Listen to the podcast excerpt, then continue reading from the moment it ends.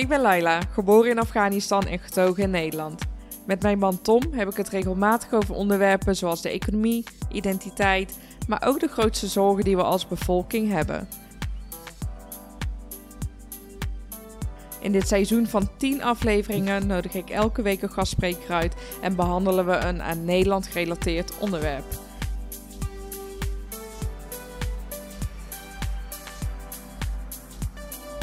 Welkom bij Nederkast, ga mee op reis en laten we Nederland samen ontdekken.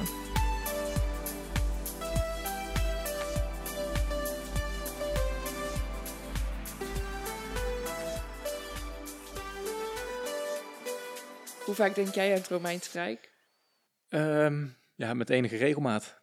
Weet je waarom ik deze vraag stel? Ja, een trend op TikTok of zoiets. Ja, precies. Dat vrouwen aan mannen vragen hoe vaak ze aan het Romeins Rijk denken. En dat schijnt bizar vaak te zijn. Ja. Hoe komt het dat jij regelmatig aan het Romeins Rijk denkt? Ehm, de Romeinen spreken natuurlijk een beetje tot de verbeelding, eh, in ieder geval van mij, maar ik denk van wel meer mannen. Het gaat over verovering, militaire strategie. Ja, en bovendien, we zitten nu in september, hè? Ja, Sep betekent zeven. ja.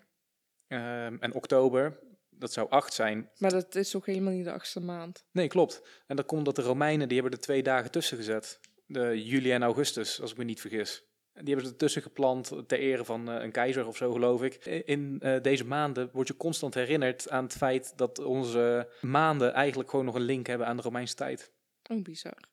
Dit wist ik niet, maar ik had ook gelezen dat het met meer dingen zo is. Dat het, eh, het alfabet is eraan te linken en geld. En zo zijn er dagdagelijkse dingen die te linken zijn aan het Romeinse Rijk. En dat men daarom, of mannen daarom, eh, vaak eraan denken. Ja, ja, inderdaad. Ja, dat klopt. En waar denken jullie dan vaak aan? Ik bedoel, als je niet aan de Romeinen denkt. Ja, wij eh, zijn bezig met werken. Tom. Volgens mij denk je aan, eh, weet ik veel, Gossip Girl, Friends of zo. oh. hey, maar ehm, de reden dat ik deze vraag meteen wilde stellen is dat niet om, alleen omdat het een trend op dit moment is, maar ook omdat ik vandaag een interessante gastspreker heb en een interessant onderwerp wat hierop aansluit. Ik ga het namelijk met Han Bouwmeester hebben over hoe eh, de Nederlandse defensie zich in Nederland en buiten Nederland inzet. Eh, en de link met het Romeinse Rijk is. Dat het Romeinse Rijk zijn defensie niet op orde had. Precies. Want in 410 kwamen de Germanen binnenvallen. Han Bouwmeester is hoogleraar militair operationeel wetenschappen en ook is hij brigadegeneraal. Dus hij kan me precies vertellen hoe Nederland dit heeft geregeld en hoe het eh, in zijn werking gaat. Het is natuurlijk ook even geleden dat de militairen eh, uit meerdere landen, onder andere Nederland, zich ook uit Afghanistan terug hebben getrokken. Ik ben eigenlijk wel benieuwd hoe dat zit. Wie bepaalt dat? Hoe gaat dat? Doen we dat op eigen houtje bepalen of, of samen met andere landen van de NAVO? Dus al die vragen ga ik aan Hans stellen. Eh, ga je het hebben alleen over uh, militair of ook over andere taken die. Uh, ja, dus wat de verantwoordelijkheden van defensie zijn binnen Nederland en buiten Nederland. Volgens mij is dat bijvoorbeeld ook hulp bij calamiteiten, uh, een stukje kustwacht in de Caribische Zee, geloof ik. Daar ga ik het ook over hebben, maar die vraag over Afghanistan wil ik eigenlijk ook stellen, omdat dat me gewoon persoonlijk interesseert. Ja, begrijpelijk. Dus ik ga nu op pad. Fijne dag. Jij ook. Veel succes. Straks. Han, bedankt dat je weer uh, wilt deelnemen aan deze podcast. Nou ja, graag gedaan. Uh, ik vind het altijd belangrijk om ook, waar zijn we met defensie bezig? Ook binnen Nederland, uh, daar is niks geheimzinnigs aan. Um, en alles wat ik daarover kan vertellen, doe ik graag. Oh, wat fijn. Nou, vorige keer hebben we het gehad over defensie over het algemeen. Laten we dit keer inzoomen op in welke gevallen defensie helpt. Dus zowel binnenlands als buitenlands. Laten we beginnen met binnenlands. Nou, zal ik eerst eventjes, uh, want het, dit is een mooie vraag. Um, en dan wil ik eerst vertellen over hoe zit dat juridisch ingebed? Wat doet die krijgsmacht nu eigenlijk? Ja. En dan moeten we naar de grondwet, want daar Ja. staat de taak van de krijgsmacht in. Ja. En dan moet je naar artikel 97. Hè, daar staat in dat de krijgsmacht de belangen van het koninkrijk beschermt. En daarnaast eh, staat er dan ook in dat het oppergezag van de krijgsmacht ligt bij de regering. Dat zijn twee aparte artikeltjes of leden eh, Ja. van artikel 97. En wat het eigenlijk inhoudt, we hebben dat als volgt vertaald. Eh, want de Defensie roept dan daaruit, hebben we drie hoofdtaken gedistilleerd. De hoofdtaak nummer één, en dat is waar we tegenwoordig ook weer heel sterk naar kijken, is de verdediging van het eigen grondgebied of van het bondgenootschappelijk grondgebied. En dan moet je denken aan de NAVO, Ja. waar we ook lid van zijn. En dan heb je twee, eh, dat is de bescherming en de handhaving van de internationale rechtsorde. Dat staat erin omdat wij er als Nederland baat bij hebben als handelsland. Dat zoveel mogelijk ook, nou ja, zeg maar de handel en de economie overal in de wereld, dat het voortgang kan krijgen. Ja. En daar waar dat stagneert of ge- ge- eh, belemmerd wordt door conflicten, ja, denken we dat we daar aan moeten gaan bijdragen. En dan hebben we eigenlijk voor onszelf ook nog een derde hoofdtaak eh, daaruit afgeleid. En dat is eigenlijk de ondersteuning aan nationale autoriteiten. Oftewel de nationale taak die we hebben. Ja. Dat is niet de hoofdtaak van de krijgsmacht. Maar denk bijvoorbeeld aan eh, rampen. Denk bijvoorbeeld aan evenementen. Waar Ja. ze soms ook heel veel ondersteuning en mensen voor nodig hebben bij de organisatie. Ehm, en daar kunnen we helpen. ja. Eh, en dat is de derde hoofdtaak. Oké, en als we beginnen op eigen grondgebied. Ja. ehm, dus je zei al evenementen. Wat nog meer in de Ja, praktijk? evenementen moet je aan denken. eh een van de bekendste is misschien wel de, de Vierdaagse. En dat is, niet eens een, het is niet eens een eh, overheidstaak. Dat vindt dan Ja. één keer per jaar in de maand juli plaats in eh, Nijmegen en Ja. omgeving. Daar zijn wel overheden. De gemeente Nijmegen is er natuurlijk heel erg druk bij betrokken. Eh, maar dat is heel groots opgezet. Ja. Daar komen heel veel lopers, hè, 40, 45.000 lopers. Nou, dat moet allemaal in goede banen geleid worden, want die mensen die moeten ook ergens slapen, moeten kunnen eten. En daar lopen ook altijd eh, heel veel militairen mee. En daar wordt dan een heel kampement opgezet. Eh, en dat regelt Defensie dan onder andere. En waarom regelt Defensie dat? Waarom doet de organisatie dat niet zelf regelen? Nou, de organisaties dat, die hebben daar niet de middelen allemaal voor. Ja. Defensie heeft dat wel. Wat Defensie bijvoorbeeld ook doet op de laatste dag, hè, want eh, je loopt vier dagen. Ja, Je loopt elke dag een ander parcours. En op eh, de laatste dag moet je ook een brug over bij Kuik. En dan is, ja, het is nu eigenlijk een soort traditie geworden. Maar dan vanuit de landmacht heb je een onderdeel, dat is de genie. Hè, die zorgen dat ze wegen maken, maar ook bruggen kunnen leggen. En die legt dan een pontonbrug bij Kuik, waar alle wandelaars overheen kunnen lopen. En ja, dat soort middelen heeft de organisatie van de Vierdaagse niet.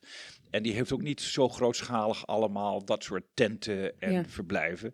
Nou ja, dat hebben we bij Defensie wel. Dus we proberen zo goed mogelijk daar ook ondersteuning aan te geven. maar wie beslist dan eh, waar Defensie voor wordt ingezet?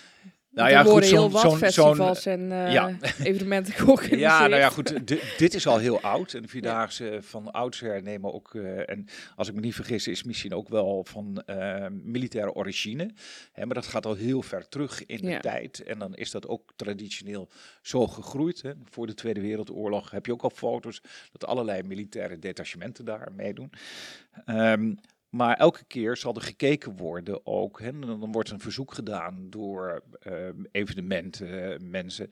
Eh, maar ook wel eh, als dat vanuit de gemeente of vanuit een provincie, hè, dus de overheid zelf, ehm, als daar evenementen zijn eh, die heel grootschalig zijn qua opzet, van, eh, dan zal een verzoek gaan naar Defensie. Defensie kijkt dan ook elke keer van, ehm, kunnen we dat? Ja. Ehm, en, en wat staat er tegenover? Ehm, en natuurlijk ook eh, het belang van Defensie. Hè? Wat stralen we uit als we meedoen aan dat evenement? Ja. Willen we dat? Kijk, zo'n sportief evenement als Vierdaagse is heel erg goed voor Defensie, want dan komen we er ook goed op te staan. En dat is ook altijd een heel blij evenement, maar ook een heel sportief element. En dat, ja, dat ligt wel ook op één lijn met eh, Defensie, ja. En zo heb je eh, ook wel andere evenementen die door ons worden afgewezen. Ik weet niet precies eh, welke, want ik, ik, ben nooit betrokken geweest bij dit soort aanvragen. Maar er wordt dan wel serieus naar gekeken. Ja. En dan wordt er gezegd van die wel en die niet. Oké, de, de hoofdtaak van eh, Defensie is het beschermen van burgers. In welke vormen wordt dat nog meer gedaan? Als je, als je, als je kijkt naar defensie, dan eh, is het niet alleen dat wij ondersteuning geven eh, in het binnenland over aan, aan evenementen, maar in geval van rampen en calamiteiten, met een Ja. mooi woord, hè, als er allerlei verschrikkelijke dingen gaan. maar is dat in Nederland vaak aan de hand? Nou, gelukkig niet. En we hebben ook gezegd, de bescherming van de burger in Nederland is eh, primair een taak van de politie. Ja. Eh, maar als dat grootschalig wordt of er is veel geweld bij betrokken, eh, dan kan het ook zijn dat de hulp van Defensie wordt ingeroepen. Eh, Zijn daar voorbeelden van? Ja, er zijn wel voorbeelden van, ook wel in het eh, verleden. Ehm, en dan gaan we wat dieper in het verleden. Jaren zeventig hadden een aantal verschrikkelijke terreinkapingen, onder andere in Drenthe en gijzelingen. En daar is toen ook Defensie bij betrokken geweest. Treinkaping toen in Wijster en de Punt. Hè. Uh, midden jaren zeventig, uh, dan zie je dat Defensie uh, buiten het feit dat uiteindelijk toen een club mariniers in die trein is geweest en uiteindelijk uh, een vuurgevecht hebben gehad met uh, de treinkapers, waar tot nog een paar jaar geleden nog allerlei rechtszaken over gevoerd zijn. Ja. Maar je ziet dat die hele locatie moet ook afgezet worden. Ja. Om te voorkomen dat niet zomaar burgers daar naartoe gaan. Ja. daar heeft aanvankelijk de politie een rol in. Maar er is toen ook besloten toen een, wat ze dan noemen een tweede ring daaromheen te leggen. Een grotere ring. Omdat ze uh, erachter kwamen dat er heel veel nieuwsgierige mensen daar naartoe wilden om te kijken. Ja. En dat is niet handig in zo'n kapingssituatie. En het is ook niet veilig, want die kapers hadden vuurwapens bij zich. Ja. En wie weet gaan ze misschien wel op mensen die te dicht in de buurt komen, gaan ze daarop lopen schieten. Dus het is voor de veiligheid van de mensen, maar ook van we zonderen dat af. Ja. Want uh, ze waren aan het nadenken van hoe gaan we nou Um, met zo min mogelijk verliezen die treinkaping oplossen. Wanneer was dit, die treinkapingen? Nou ja, uit mijn hoofd, ik dacht dat er één in 1975 was en 1977. En daarna is dat gestopt? Nee, ja, daarna uh, hebben we geloof ik niet meer, ik kan me niet meer direct herinneren of we ja. van dit soort grote gijzelingsacties ja. uh, hebben gehad. Uh, je ziet ook wel dat dat toen allemaal ook nog in zijn kinderschoenen stond. Ja. Hè. De mariniers hebben dat toen gedaan. Tegenwoordig zien we dat we daar echt wel, ook binnen de krijgsmacht, ook in overleg met de politie, eenheden voor aangewezen hebben. Dat zijn bijvoorbeeld speciale clubs van de Koninklijke Marechaussee. En dat is eigenlijk de militaire politie. Ja. Uh, clubs van het Korps Mariniers en ook het Korps Commandotroepen. Dat zijn echt wel speciaal getrainde eenheden ja. daarvoor. Zich ook tegenwoordig ook helemaal in gespecialiseerd hebben. Uh, die daarmee ja. aan de slag gaan. Het is ook zo dat als wij um, bij dit soort nou ja, gijzelingen, kapingen, ja. maar ook wel bij grote rampen uh, moeten gaan optreden, dan is het niet zo dat Defensie ook in de leiding is. Hè. Dan, uh, we hebben lokale autoriteiten, een burgemeester, een commissaris de koning, uh, die gaat aanvankelijk kijken, moeten we heel ver opschakelen. Ja. Uh, en dan wordt de steun van Defensie ingeroepen. Maar er zijn al, ja, we hebben al, um, de, de, heel Nederland is verdeeld in veiligheidsregio's. Ja. Daar zit een politie, daar zit een brandweer. En daar gaan we vaak naartoe om te ondersteunen. Ja. en het is niet zo dat we die taak overnemen. Nee, we versterken hun daarin. En zij hebben in dit soort, uh, bij dit soort calamiteiten en, en rampen hebben zij uh, over het algemeen de leiding op. Ja, want als Defensie zelf zou optreden, dan zou het een... Uh... Ja, nee, dat, dat willen we niet. Dan neigt het naar nee, staatsgreep. Precies. En dat is helemaal onze taak niet. Willen we ja. ook helemaal niet. Ik, ja. ik, ken geen enkele militair in Nederland die... Uh, die het stiekem, heft in eigen handen neemt. Die stiekem het heft in eigen handen wil nemen. Nee, we zijn er allemaal voor. Hè. Onze, onze taak is om um, niet de burgers in Nederland te bestrijden. Nee, ja. in tegendeel. Wij willen juist de burgers in Nederland beschermen en hulp bieden. Oké, okay, dan heb ik toch over dat binnenlands nog één, uh, nog één vraag. Hebben we genoeg capaciteit? Kijk, op dit moment zijn er dus gelukkig weinig rampen waar de Defensie op uh, inspeelt. Hebben wij de capaciteit dat als er iets in het binnenland voorvalt, zijn we daarop uh, voorbereid? Hebben we genoeg mankracht bijvoorbeeld? Uh, hebben nou ja, we alle goed, middelen? Defensie heeft nog heel veel vacatures. Okay. uh, maar die zijn niet specifiek toegemeten op rampen en calamiteiten in ja. Nederland. En we hebben natuurlijk ook de andere hulpdiensten die ik al noemde, hen, uh, brandweer, politie, maar ja. ook uh, um, zeg maar de ziekenhuizen die daartoe ingericht, als er heel veel slachtoffers zijn. Um, en dan kunnen we gaan ondersteunen. Nou ja, wij proberen dan zo goed mogelijk alles in te zetten. Um, maar Defensie zelf heeft sowieso nog een aantal mensen nodig. Ja. Dus uh, het kunnen er nog meer worden. En we proberen dan zo goed mogelijk ook in te zetten wat we hebben. Ja, ja en, en je hebt er eigenlijk, je zult zien Zeker als je met een heel groot uh, verschijnsel te maken hebt, dan eigenlijk op dat moment heb je heel veel handjes nodig. Dus je ja. hebt eigenlijk dan altijd het gevoel op dat moment dat je nooit genoeg hebt. Ja, oh ja. Laten we overgaan op het buitenland. Wat voor hulp biedt uh, Defensie en in wat voor gevallen wordt Defensie ingeschakeld om uh, over de grenzen heen hulp aan te bieden? Ja. Ja, nou en ja, wat voor uh, hulp is dat dan? Nou, dan, dan, wil ik eigenlijk eventjes terug naar die twee hoofdtaken die ik noemde. Ja. Hè, bescherming ja. uh, grondgebied en bondgenootschappelijk grondgebied. Nou ja, de, uh, sinds de eind jaren 40, sinds de oprichting van de NAVO, Nederland is daarbij betrokken geweest, zitten we al in die NAVO, de Noord-Atlantische Verdragsorganisatie. Die was aanvankelijk een, een, een aantal landen Inmiddels zijn er 31 landen daar lid van, ja. Nederland dus ook. En staat er, zijn we eigenlijk bezig om nog een een uh, 32e land erbij te krijgen. Daar is nu al in toegestemd. Hè. Dan heb ik het over Zweden. Ja. Laatst is Finland toegetreden. En dat betekent dat je met 32 landen ook kijkt en gezamenlijk um, nou ja, bezig bent met de veiligheid van je eigen grondgebied en de mensen die in die landen wonen. Nou, dat is, dat is ten eerste de taak ook al die we hebben binnen, binnen de NAVO.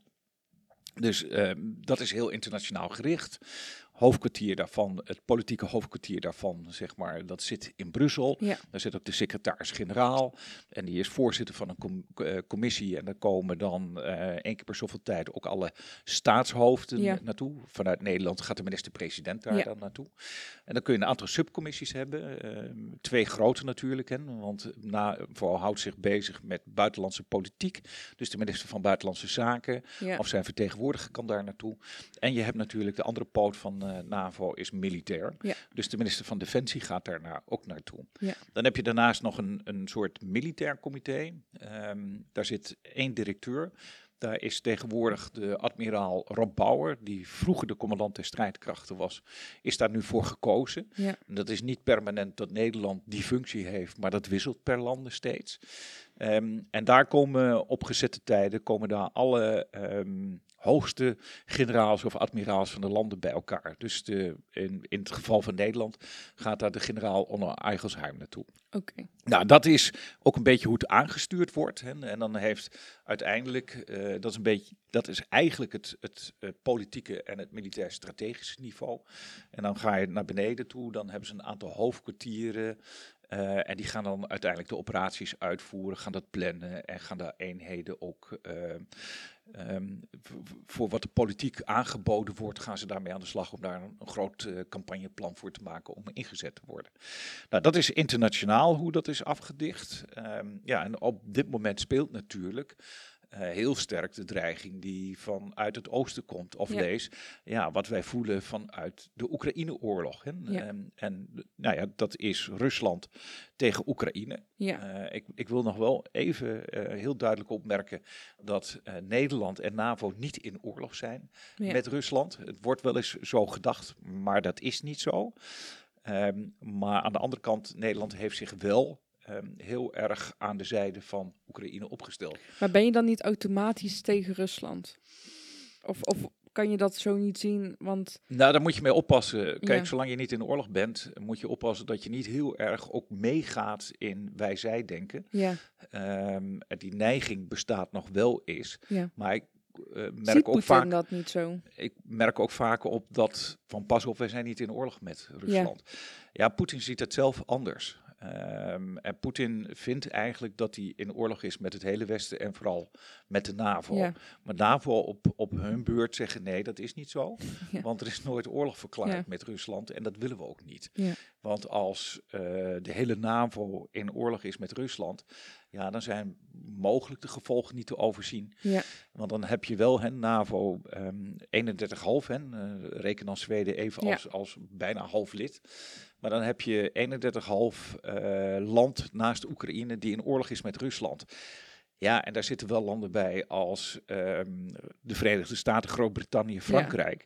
Wat drie landen zijn die, die ook. enorme krijgsmachten, maar die ook kernwapens hebben. En dan loop je de kans dat het misschien gaat escaleren en dat wil je niet. Want als het gaat escaleren, hebben we dan over een derde wereldoorlog?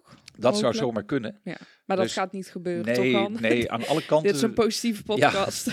Nee, dit is ook een positieve podcast. En eh, je ziet ook dat er eh, vanuit NAVO-zijde alles aan gedaan wordt ja.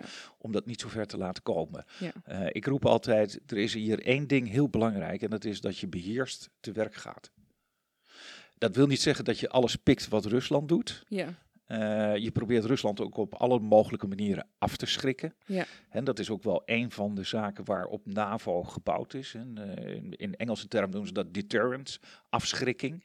Dat je eigenlijk ehm, een dusdanig goede verdediging van je Ja. bondgenootschappelijke grondgebied hebt. Ja. Dat je gezamenlijk optreedt, dat het ook geloofwaardig overkomt. Dat Poetin ook denkt van ja, ik ga Dit daar ga ook ik niet aan beginnen. Nee, ik ga precies. niet beginnen aan die NAVO.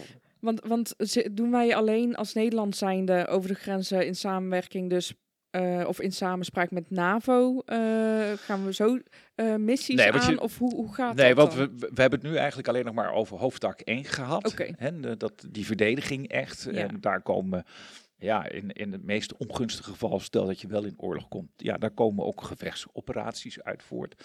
Nou ja, wat wij de laatste 30 jaar vooral hebben gedaan, is Ja. ons richten op die hoofdtaak 2. De ehm, bevordering en handhaving van de internationale rechtsorde. Met andere woorden, wij zijn naar conflicten gegaan waarvan wij denken van daar moeten we helpen Ja, soms om tussen de partijen in te gaan staan.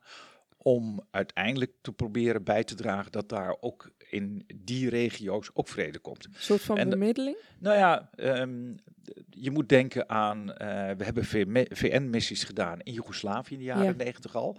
Hè, ja, want je zag dat Joegoslavië uit elkaar viel en dat Kroaten en Serven en Bosniërs ehm, nou ja, onderling strijd voerden. En daar waren heel veel ehm, ja, burgerslachtoffers bij. Maar dat was ook wel een ernstige schending van de stabiliteit ook in Europa. Ja. En iedereen riep van, daar moet wat aan gebeuren. Nou, toen zijn we daar naartoe gegaan. Maar we hebben ook andere missies, ook in andere delen. We zijn in Cambodja geweest, we zijn in Angola geweest. Ja, doen we dat op eigen houtje? Nou, we doen dat niet in, op eigen houtje. In, in veel gevallen zie je dat de VN ehm, aanvankelijk ehm, daar een resolutie over uitspreekt. En dan kan er ook een VN-vredesmacht ingesteld worden. En dan wordt er gekeken van welke landen willen daar meedoen. Ja, Ja, en in, in een aantal gevallen steekt Nederland ook de vinger Ja. op. Ja, dat is, dat is ook een heel, ehm, heel ehm, ingewikkeld proces. Ja, echt ingewikkeld. Laat ik het zo zeggen, je ziet heel veel dingen niet wat gebeuren. hè. ja precies. daar, daar, daar komt heel veel diplomatie Ja. eh, eh, bij kijken. Dat, ik vind dat heel fascinerend. Hè? Want ehm, een secretaris-generaal van de Verenigde Naties zal niet zomaar op eigen houtje een brief sturen naar de minister-president van Nederland. Wilt u meedoen? Nee, En, eh, want dat zou als Nederland dan, en dan zou dat eh, onze minister-president in een heel lastig pakket, eh, ja, want dan zijn alle ogen op hem gericht. En nee, op, op de achtergrond gaan diplomaten al met elkaar in overleg van, wat zou je ervan vinden als mijn secretaris-generaal dit verzoek aan Ja. Nederland gaat richten? precies. Gaat er eens over praten? Nou, dat is eigenlijk een politiek besluit. En Want anders nee zeggen zegt, is ook een ja, signaal, is hè? gezichtsverlies. En, Ja, en dat wil de secretaris-generaal niet. Ja. Dat wil Nederland niet. Dus op dat soort vlakken zie je dat er heel veel diplomatiek overleg is. Op de achtergrond. Hè. Ehm, vanuit buitenlandse, het ministerie van Buitenlandse Zaken zal dat allemaal eh, geregisseerd worden. En dan wordt er ook gekeken van past ons zo'n verzoek? Ja, En dan is er vaak ook wel overleg met het ministerie van Defensie. Kunnen jullie zoiets? Eh, ja of nee, eh, moet er dan gekeken worden. En er wordt natuurlijk getoetst, ehm, staan er ook Nederlandse belangen? Hè? Eh, want je, je kunt gewoonweg niet aan alle verzoeken voldoen. nee. Ehm, er wordt ook gekeken van, ehm, eh, zien wij ergens een belang in Nederland? En als we daar niet aan meedoen, worden we dan geschaad? Hè? Eh, ook in het achterhoofd houden, Nederland is natuurlijk een, een, een handelsnatie. En het is geloof ik de 17e of de 18e economie ter wereld. Drijft heel veel handel. Dus we hebben er ook baat bij dat we een hele stabiele omgeving, ook internationaal gezien hebben. En als dat verstoord wordt door conflicten, ja, dan probeer je daar een bijdrage aan te leveren. Maar het moet wel te herleiden zijn, doordat je daar zelf ook belang bij hebt. Ja. Wauw, er komt echt heel veel bij, eh, bij kijken. Daar komt heel veel bij kijken. Ja, dat gaat, eh, en dat zie je dus niet. Hè. Dat is Ja. die diplomatie. Dat is vaak stille diplomatie. Heel veel diplomatie gebeurt ook eigenlijk niet eh, in de kijker. Hè. Dat Ja. gebeurt achter gesloten deuren. En dan wordt er eerst gekeken van, hè, ehm, willen jullie meedoen als Nederland? Ja, oké. Dan gaan we nu het officiële verzoek aan jullie Ja. richten. En dan weten ze ook van, dan komt er geen nee op. Ja. Ja, dus gezichtsverlies en eh, bepaalde soort zaken, banden, ja. relaties, die worden dan eh, veilig eh, gehouden. Ja. En die besluitvaardigheid, er, is er vaak conflict over? Van dat de een denkt, we willen dit wel doen en de ander niet. Nou ja, goed. Ik hoor daar nooit iets over. Nee, nee, daar komt ook weinig over. Ja. Je hebt het dan aanvankelijk over interdepar- in- interdepartementaal overleg Ja. tussen ministeries. Nou, in dit geval zal dat vaak tussen buitenlandse zaken en eh, tussen defensie zijn. Soms Ja. is bijvoorbeeld daar ook binnenlandse zaken, als daar misschien mensen vanuit een politietaak ehm, En soms zelfs ook justitie en veiligheid. Maar dan zal daardoor verschillende departementen, dus verschillende ministeries, over overleg gevoerd worden. Dat is eerst op, op hoog ambtelijk niveau. En dan zal dat uiteindelijk, want dit zijn politieke beslissingen. Dan zullen daar uiteindelijk, en dat kan best zijn dat er dan in de ministerraad over gesproken wordt van wat gaan we er uiteindelijk Ja. mee doen. Want op dat, hè, dit zijn politieke beslissingen Ja. die uiteindelijk de politieke goedkeuring moeten hebben. Ja, interessant. Eh hey Han, eh, in welke gevallen kennen we in de geschiedenis in eh, Nederland ehm, situaties waarbij wij dus andere landen hebben eh, geholpen? Zijn daar interessante voorbeelden van? En daarna wil ik ook even kijken naar het heden. Maar laten we eens eerst even terugblikken. Ja, nou ja, goed. Kijk, ehm, ik heb genoemd die- die NAVO-taak die we hebben. Ja. Die we hebben gezamenlijk met elkaar eh, afgesproken. En ik moet ook eerlijk zeggen, eh, we moeten daar heel eerlijk in zijn. We leven nu in 2023 en sinds 1945 zijn eigenlijk op, eh, in West-Europa zijn ook geen conflicten meer geweest. Dus op de een of andere manier dat we met elkaar samenwerken, dat we niet meer met elkaar oorlog voeren. Ja. Dat is al één punt, hè, dat eh, Duitsland en Frankrijk en West-Europese landen, ook Nederland, niet meer eh, met elkaar oorlog voeren. Komt ook omdat we met elkaar nu afgesproken hebben, we zitten in de NAVO en we overleggen. Ehm, en we zijn ook nog in staat om alles wat daar buiten plaatsvindt, uit andere delen van de wereld, Ja. zodanig af te schrikken dat die ook geen oorlog met elkaar Ja. gaan voeren. En dat is heel uniek, Ehm, want dat is een situatie van 78 jaar, dat we eigenlijk in deze hele wijde omgeving in West-Europa geen oorlog meer hebben gehad. Ehm, ik zeg uniek omdat eh, ja, er zijn verschillende collega's van mij, krijgswetenschappers, die roepen ehm, oorlog is eigenlijk de normale situatie en vrede is de afwijking. Daar moet je heel veel moeite voor doen. Nou, dat lukt ons gelukkig al 78 Ja. jaar. Om dat op die manier in stand te houden, maar daar moet je ook af en toe op investeren. Volgens mij is Dus- de wereld ook veiliger dan ooit. Nou, dat Toch? betwijfel ik. Er wordt ook wel gezegd, in de Koude Oorlog had je eigenlijk twee machtsblokken. Ja. Je had het oosten en het westen, hè, oftewel Warschau-pact en de NAVO. Maar die wisten van elkaar heel goed waar ze mee bezig waren. En dat gaf wel een bepaalde rust. En nu heb je toch wel heel veel landen waarvan je niet exact weet waar ze mee bezig zijn. En wat misschien nog wel gevaarlijker is, in die landen kunnen ook allerlei groeperingen zitten. Ja. eh, die ook allerlei dingen van plan zijn, wat je ook niet goed kunt Ben je inschatten. daar heel bang voor? Ik slaap er niet eh, slechter door. Oké, mooi. Maar, en eh, we zouden er een positieve uitzending van Ja. maken. Nee, ja goed, het is juist ook onze taak, samen met inlichtingendiensten, samen met de Nationaal Coördinator Terrorismebestrijding en Veiligheid, dat zijn allemaal instanties in Nederland, en door die internationale samenwerking, om zoveel mogelijk ook dingen op te sporen, om te zorgen dat dat niet uiteindelijk eh, tot, tot allerlei vormen van Ja. terrorisme of groeperingen die allerlei moeilijke zaken gaan doen, gaat leiden. Dus, en tot nu toe slagen we daar goed in. En net van mijn, en mijn vraag van net, in wat voor bijzondere gevallen kennen wij waarbij we als Defensie dus echt eh, hulp hebben geboden? Nou, dan gaan we vooral ehm, naar die, die eh, tweede hoofdtaak die we dan hebben. Hè? Ja. Die ehm, eh, bevordering en handhaving van de internationale Ja. en bescherming internationale rechtsorde. Nou, in dat, kader hebben we heel veel aan eh, VN-vredesmissies meegedaan. Ik heb Joegoslavië al genoemd, Ja, Cambodja, Angola. Ehm, we zijn uiteindelijk ook in, in, in Bosnië zelf terechtgekomen, Ja. langdurig aan meegedaan. Nou ja, goed, eh, meer recentelijk, eh, van de laatste twintig jaar, hebben we in Irak en Afghanistan gezeten. In Mali hebben we gezeten. Eh, we hebben een half jaar geleden nog, ook nog weer ehm, ehm, kort in Sudan eh, om daar mensen uit te evacueren. ja, Dus we doen, en dat doen we dan ook vaak weer ook in internationaal verband. Ja.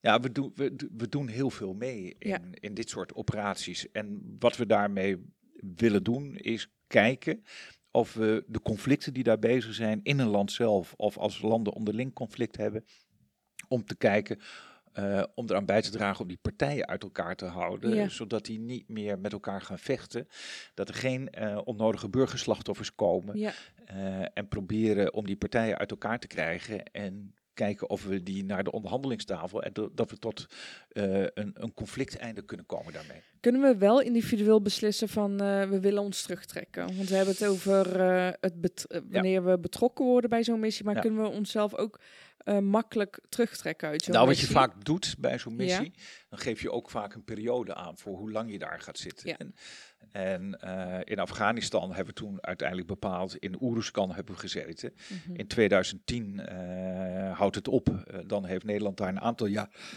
Heeft hij samen met die Australiërs en Nederland was daar, had daarbij de leiding.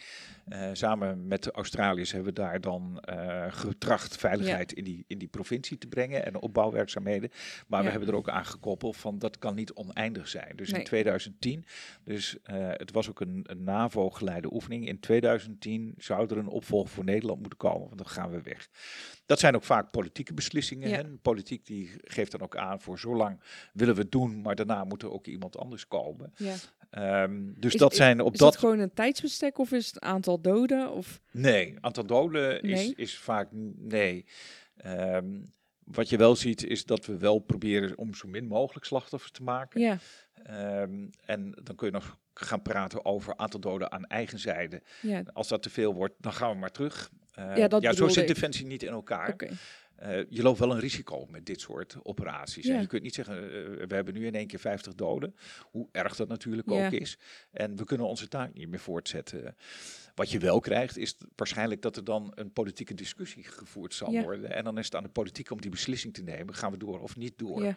Dat weet ik niet. Dat, dat ligt ook een beetje op dat moment aan ehm, wat, wat, de, wat de, de, de politieke sfeer op dat moment is om daarmee Dus om het te zal gaan. eerst een inschatting zijn van wat de situatie is. Want die aantal doden zegt natuurlijk ook iets over de situatie ja. en de, risicoanalyse. dan dat het om de slachtoffers... Ja. eh, Ja, we hebben, kijk, eh, ook, ook in eh, Afghanistan Ja. hebben we een aantal doden te betreuren gehad. Eh, uit mijn hoofd iets van 4, 25 eh, militairen bij omgekomen. Ja, dat is heel triest. Ehm, maar dat is niet de doorslaggevende factor om uiteindelijk zo'n missie te eindigen. Duitsland had toen ze in het begin helemaal in het begin in Afghanistan zaten, werd er een aanslag op een bus gepleegd. En toen waren er direct, ik, ik meen uit mijn hoofd, iets van 10 of 11 dodelijke oh slachtoffers. Maar dat is dan niet direct de reden voor Duitsland te zeggen, en dan trek ik mij maar weer terug. Ja. Nee, je weet, als je gaat deelnemen aan dit soort eh, missies, dat dat risicovol is. Ja. En dat hoort bij mijn beroep Ja. als militair. Ja, zo. Ehm, heb je zelf ooit in een situatie gezeten, want je bent in Afghanistan ook geweest, dat je voor je leven vreesde? Even een persoonlijke nee, vraag. nee, ik heb, nee, ik heb twee missies gedaan. Ja. Eh, ik heb in 95, eind 95, ben ik vertrokken naar Bosnië. En daar heb ik tot aan eh, juli eh 96 gezeten. Ja. Ik heb één keer toen vrij snel in, in het begin, want ik werkte op een Brits hoofdkwartier. Ik was de enige buitenlander in een heel groot Brits hoofdkwartier. Ik vond het fascinerend. heel veel geleerd ook over de Britten en van de Britten. Eh, dus dat vond ik erg leuk eh, om, om, eh, om, om dat mee te maken, alleen al vanuit dat oogpunt. Maar die Britten die zeggen gewoon van één keer per toebeurt moeten ook de mensen die op de hoofdkwartieren zitten, gaan we uitnodigen voor de wat gevaarlijke missies. de Met andere woorden, dus. mensen die dus op zo'n hoofdkwartier, wij moesten Ja. Met zo'n zware helikopter, met zo'n Chinook, moesten wij boven. En er was een hele grens afgesproken tussen de partijen. Dat noemen ze de zone of separation, met een mooi woord in het Engels. Dus die partijen waren gescheiden van elkaar. En dat was een stukje niemandsland, die zone of separation. En daar moest op toegezien worden dat dat ook gehandhaafd bleef op die manier. Ja. Nou, wat gebeurt er? Ehm, ik ben mee met een van die vluchten en ehm, toen zat ik te kijken en ik zag sporen, want het was nog in januari, februari, ik weet niet meer precies de datum. En toen zag ik sporen in het land en toen heb ik eh, melding van gemaakt. Ik zei, nou, met mijn artillerieachtergrond, dit lijkt erop alsof ze kanonnen in stelling hebben willen brengen Ja. die achter auto's hingen. Eh, want je kunt zien dat er gemanoeuvreerd is aan de sporen op het land, waar we dus boven hingen met die helikopter. Daar kon je gewoon op kijken. Ja. Het landschap was een beetje half besneeuwd, dus dat Oh, zag ja. je goed. Nou goed, toen eh, besloot eh, degene die de leiding had in overleg met de piloot van nou, we gaan daar uh, naar de kijken. Dus toen hingen we erboven en toen bleek het een Servische stelling te zijn. En de Serven kwamen naar buiten en die begonnen te schieten op die helikopter. Ja, dan merk je ook hoe kwetsbaar je bent als helikopter. En toen zag ik ook wel, want ik zat twee stoeltjes en daar had je een open open, open gat. En daar, zat, ja, de, daar stak een groot uh, machinegeweer uit. Uh, en daar zat en wat de Britten dan noemen de, do de doorkunner. En, ja. uh, die dus in de deur de grote machinegeweer bediende. Ja, die begon terug te schieten. En toen zag je ook dat de, die helikopter maakte direct een, een beweging de andere kant op. Hè. We duikelden ook allemaal door elkaar heen om in die helikopter. Om te ontwijken zo snel mogelijk. Maar toen dacht ik wel, ja, je bent wel... Ik ben niet heel bang geweest, want het was ook allemaal in een split second dat dat gebeurde. Um, maar dat zijn wel zaken. En dan merk je ook wat het is als je in de lucht hangt, dat er op je geschoten wordt. Dus ja, dat was een hele beangstigende situatie. Zo. En in Oeruzkan, um, ik heb zelf niet. Um, omdat ik daar commandant was van ja. het provinciaal reconstructieteam. Uh, ik had een aantal mission teams die regelmatig de poort uitgingen. Ik ging zelf ter motivatie en ik wilde ook weten wat het was om met dit soort patrouilles mee te gaan. Dus ik ben zelf een aantal keren ook wel van het kamp af geweest. Ja. En met, met, dit soort patrouilles meegegaan. Ik heb zelf nooit, ben nooit in vuurgevechten terechtgekomen of iets. Uh, wat je wel merkte is dat wij regelmatig op het kamp bestookt werden uh, met raketten. En dat waren raketten van een uh, um, slechte makelij. Uh, ik heb me laten vertellen van Chinese makelij. En dat kon je niet altijd goed van tevoren inschatten waar die terecht kwamen. Maar op ik heb kamp zelf... was je dus ook niet altijd veilig? Nee, op de kamp was je niet veilig. Ja. Uh, en ik heb ook meegemaakt, we zaten net een paar weken in, in, in Oeruzkan. En ik was zelf um, ik was zelf niet op het kamp aanwezig, want ik was met een, naar een van de mission teams toe. En toen is het kamp beschoten en toen is er een raketinslag geweest op nog geen 30 meter van waar wij onze eigen slaapverblijven hadden. Daar is een, uh, een vrouwelijke officier uh, bij gewond geraakt. Oh. Uh, en daar is een jongen van het 42e bataljon Limburgse jagers, Adjin Chastli, is daarbij omgekomen. Dus ja, dat was wel een heel groot ding natuurlijk.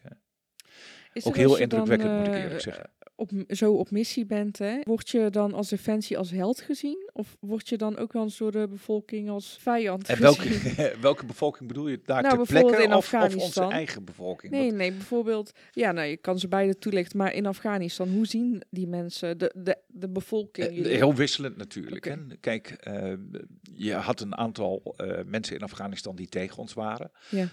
en wat ik geleerd heb... Kijk, in Nederland dachten we dat we met de Nederlandse troepen alleen maar tegen de Taliban aan het vechten waren. Ja, dat was, dat was helemaal niet zo, want de Taliban was eigenlijk een verzamelnaam ja. en een sticker die we al opplakten tegen alles wat ook maar tegen ons vocht. Maar wat we zagen uh, in Afghanistan heb je heel sterk dat je uh, allerlei stammen hebt. En die hebben allemaal uh, problemen met elkaar. Ja. En die zijn met elkaar aan het vechten. Ja. Dus als je bepaalde mensen gaat helpen, voelt een andere stam zich tekort gedaan. En die gaat daar iets tegen doen. Ja. en dat hoeft niet altijd vanuit de Taliban te zijn. Dus die gaat misschien een keer een, een, um, een aanslag op je plegen. Of zo'n bernbom ergens neerleggen. Ja, dat werd dan altijd toegeschreven. De Taliban heeft dat gedaan. Nee, we kwamen daar midden in wat ze dan met een mooi woord noemden: een hele tribale strijd. Hè? Ja. Allerlei stammen die eigenlijk onderling uh, ruzie met elkaar hadden. Ja. En, en ja, ook met elkaar af en toe aan het vechten waren. Daar kwam je dus uh, aanvankelijk midden tussen. Maar wat wij zagen, en uh, ik zat niet bij de battlegroep, maar ik gaf leiding aan het provinciaal reconstructieteam. Ja. Dus ik had mission teams, kleine teams van nou, acht mensen, ongeveer acht tot tien uh, militairen. Um, en die gingen dan vaak, toch heel vaak op patrouille om contacten te leggen met de mensen. Om te kijken van waar hebben jullie nu behoefte aan. En, uh, geef zelf maar aan. Ik kan, ik kan een heel plan gaan bedenken met Ja. van dat ik vind dat er putten, waterputten moeten komen. Dat er scholen moeten komen, dat er meer winkels moeten komen. Maar ik kan dat mooi bedenken. Maar het is veel handiger dat je de mensen daar op de locatie zelf dat laat bedenken. En in overleg. En dan zeggen van nou, daar kunnen we wel hulp aan gaan geven. Dus die mission teams van mij, die hadden op een gegeven moment met al die lokale Afghaanse mensen heel veel contact en ook goed contact. En ja, die, die omarmden ons, want die vonden het heel erg fijn. Want uh, er kon van alles opgebouwd worden, projecten gestart worden, er konden schooltjes opgericht worden, ziekenhuizen, gevangenissen. Een klein beetje, voor zover dat mogelijk was, een rechtssysteem. En ik moet er even bij melden, ik heb dat niet allemaal uh, uh, met mijn één uh, PRT in een half jaar Ja. gedaan. Hè. Ik heb voorgangers gehad, ik heb opvolgers gehad. Maar over de algemene lijn zag je dat wij met dit soort werkzaamheden bezig zijn. Maar wat goed dat daar ook de lokale bevolking bij eh, betrokken wordt. Ja. Want dan kom je niet met ik, eh, Nederlandse oplossingen voor eh, Afghaanse problemen. Want dat, Nee, dat zal en niet altijd werken. Nee, precies. En ook in het achterhoofd, ik zat er in 2009. We zijn er in 2006, 2007 zijn we daar gekomen. Toen zijn Ja. dingen opgestart. En dit zijn vaak langlopende projecten. Eh, en ik zat er in 2009 en op een gegeven moment hoorden wij ook dat we in 2010 zouden weggaan. Dan moet je niet zelf overal alleen maar zelf al die projecten blijven runnen en de verantwoordelijkheid erover hebben.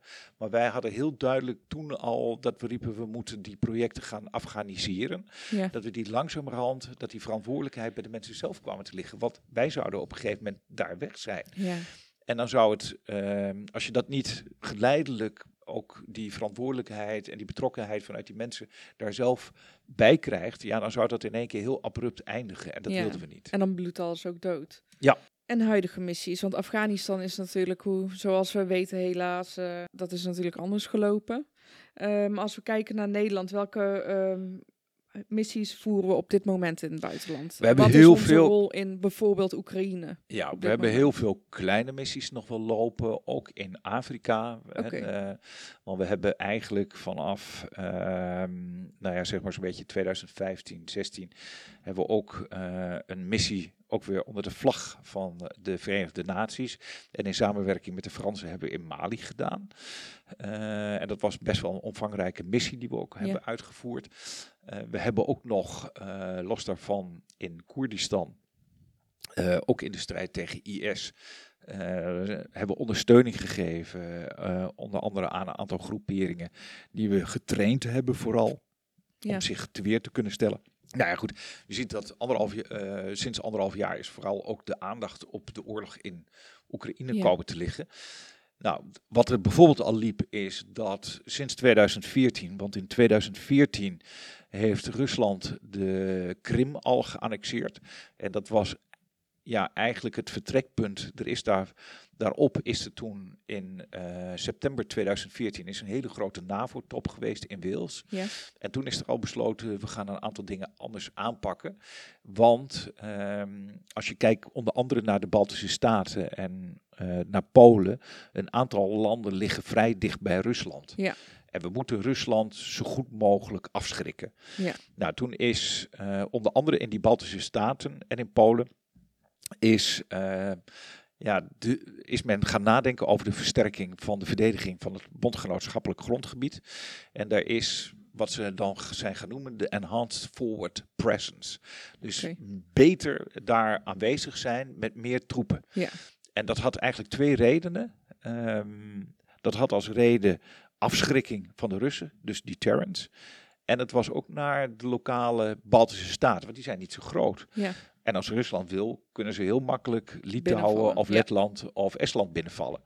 Eh, en die, die waren er niet helemaal zeker van dat, eh, dat Rusland dat niet zou gaan doen. En op het moment dat je daar als NAVO ook troepen neer gaat zetten, Ja. krijg je ook eh, assurance. Een bepaalde verzekering van we laten jullie niet in de steek.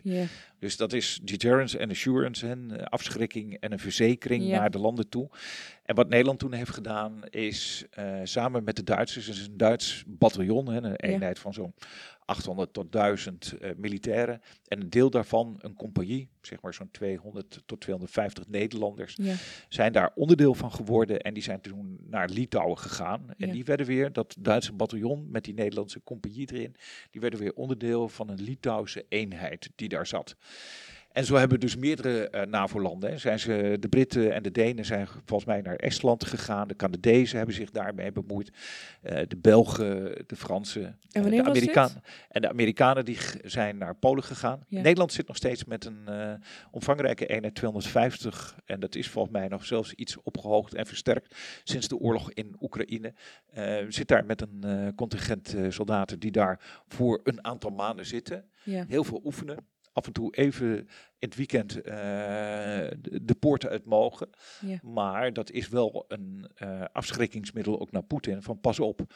Ehm, wij versterken de Litouwers in hun Ja. verdediging. Als onderdeel ook van de NAVO. Ja.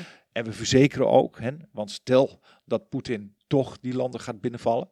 Ja, dan is die automatisch ook in gevechtscontact met een Duitse bataljon, met een Nederlandse compagnie erin.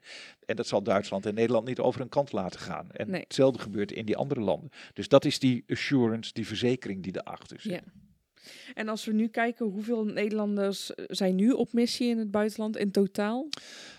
Oeh, dat, nou, nou overvraag je me, want dat wisselt heel sterk. eh, Want dan moet je ook al die kleinere missies waar we soms eh één, twee militairen in het buitenland, ook in Afrika, in, ehm, eh, zeg maar in, in, eh, in Irak, wat we daar nog hebben zitten, moet je daar allemaal bij tellen. En dat wisselt heel sterk.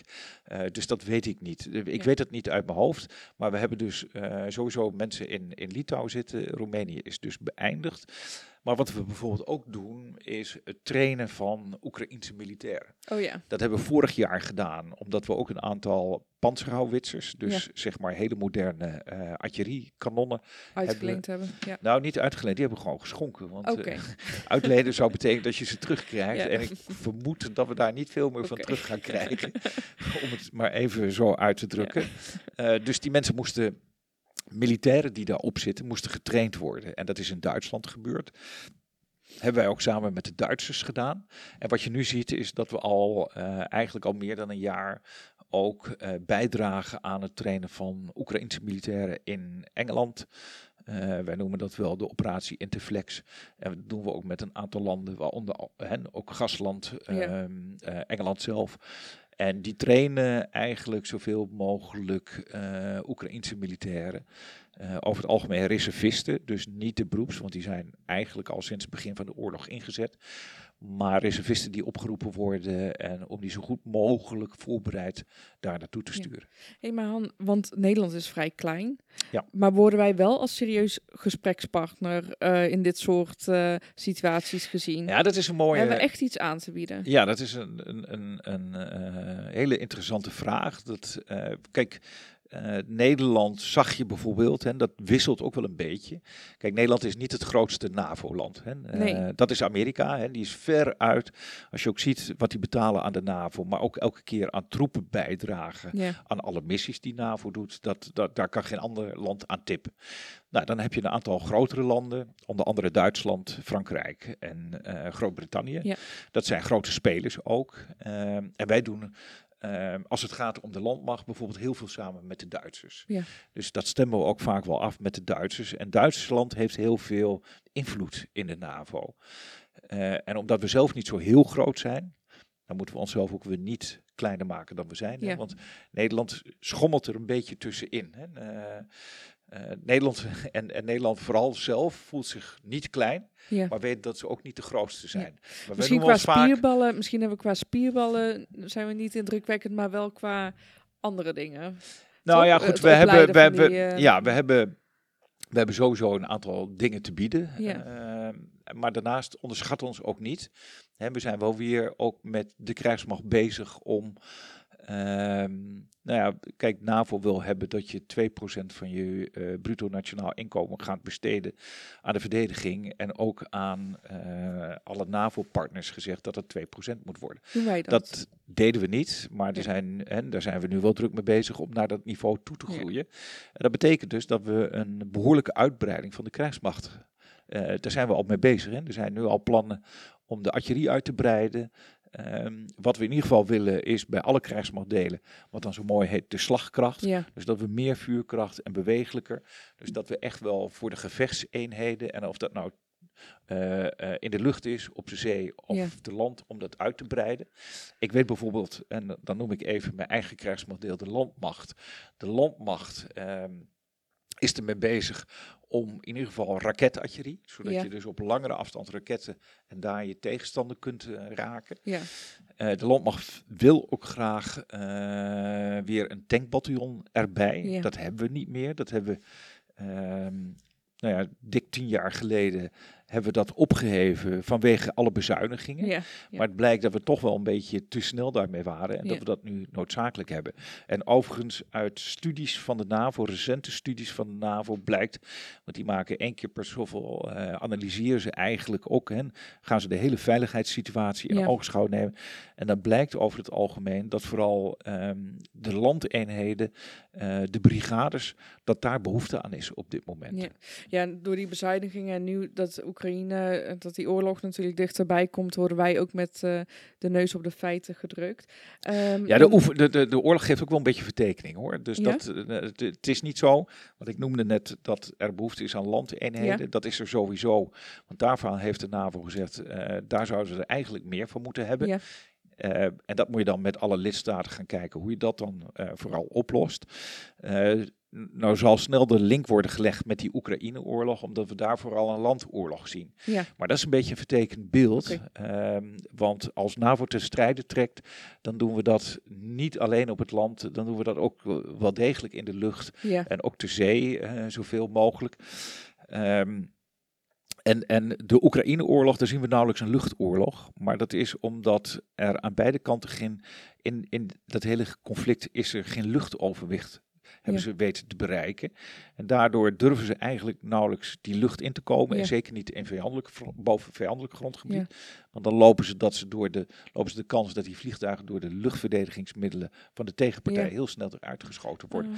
Maar bij, ehm, als je kijkt, en vooral als je Amerika ook aan je zijde hebt, en dat hebben we binnen NAVO, Amerika zet ook altijd heel goed die luchtmacht in. En die kan ook heel veel betekenen.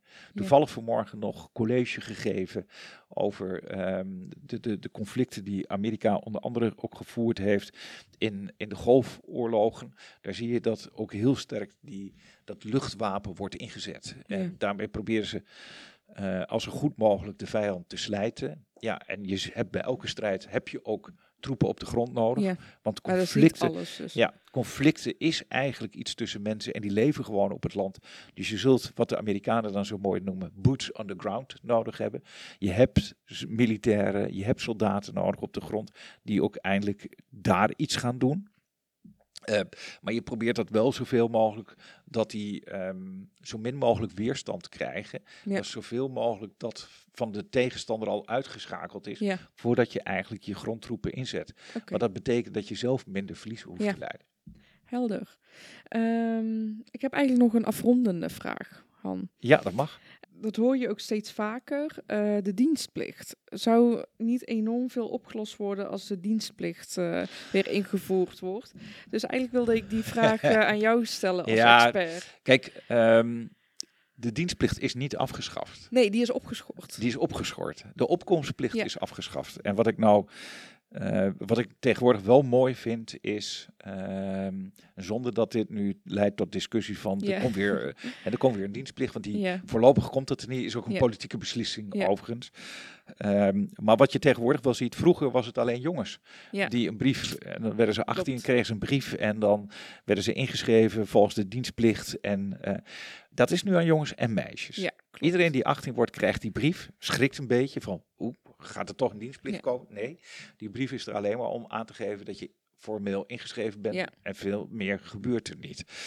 Ehm, wat je nu ziet is dat in de politiek wordt die discussie gevoerd. En Ja. argumenten is onder andere dat men vindt dat vroeger, omdat namelijk bij een krijgsmacht is er discipline om jeugd wat meer discipline bij te brengen en georganiseerder te zijn, eh, zou het goed zijn om een dienstplicht in te voeren.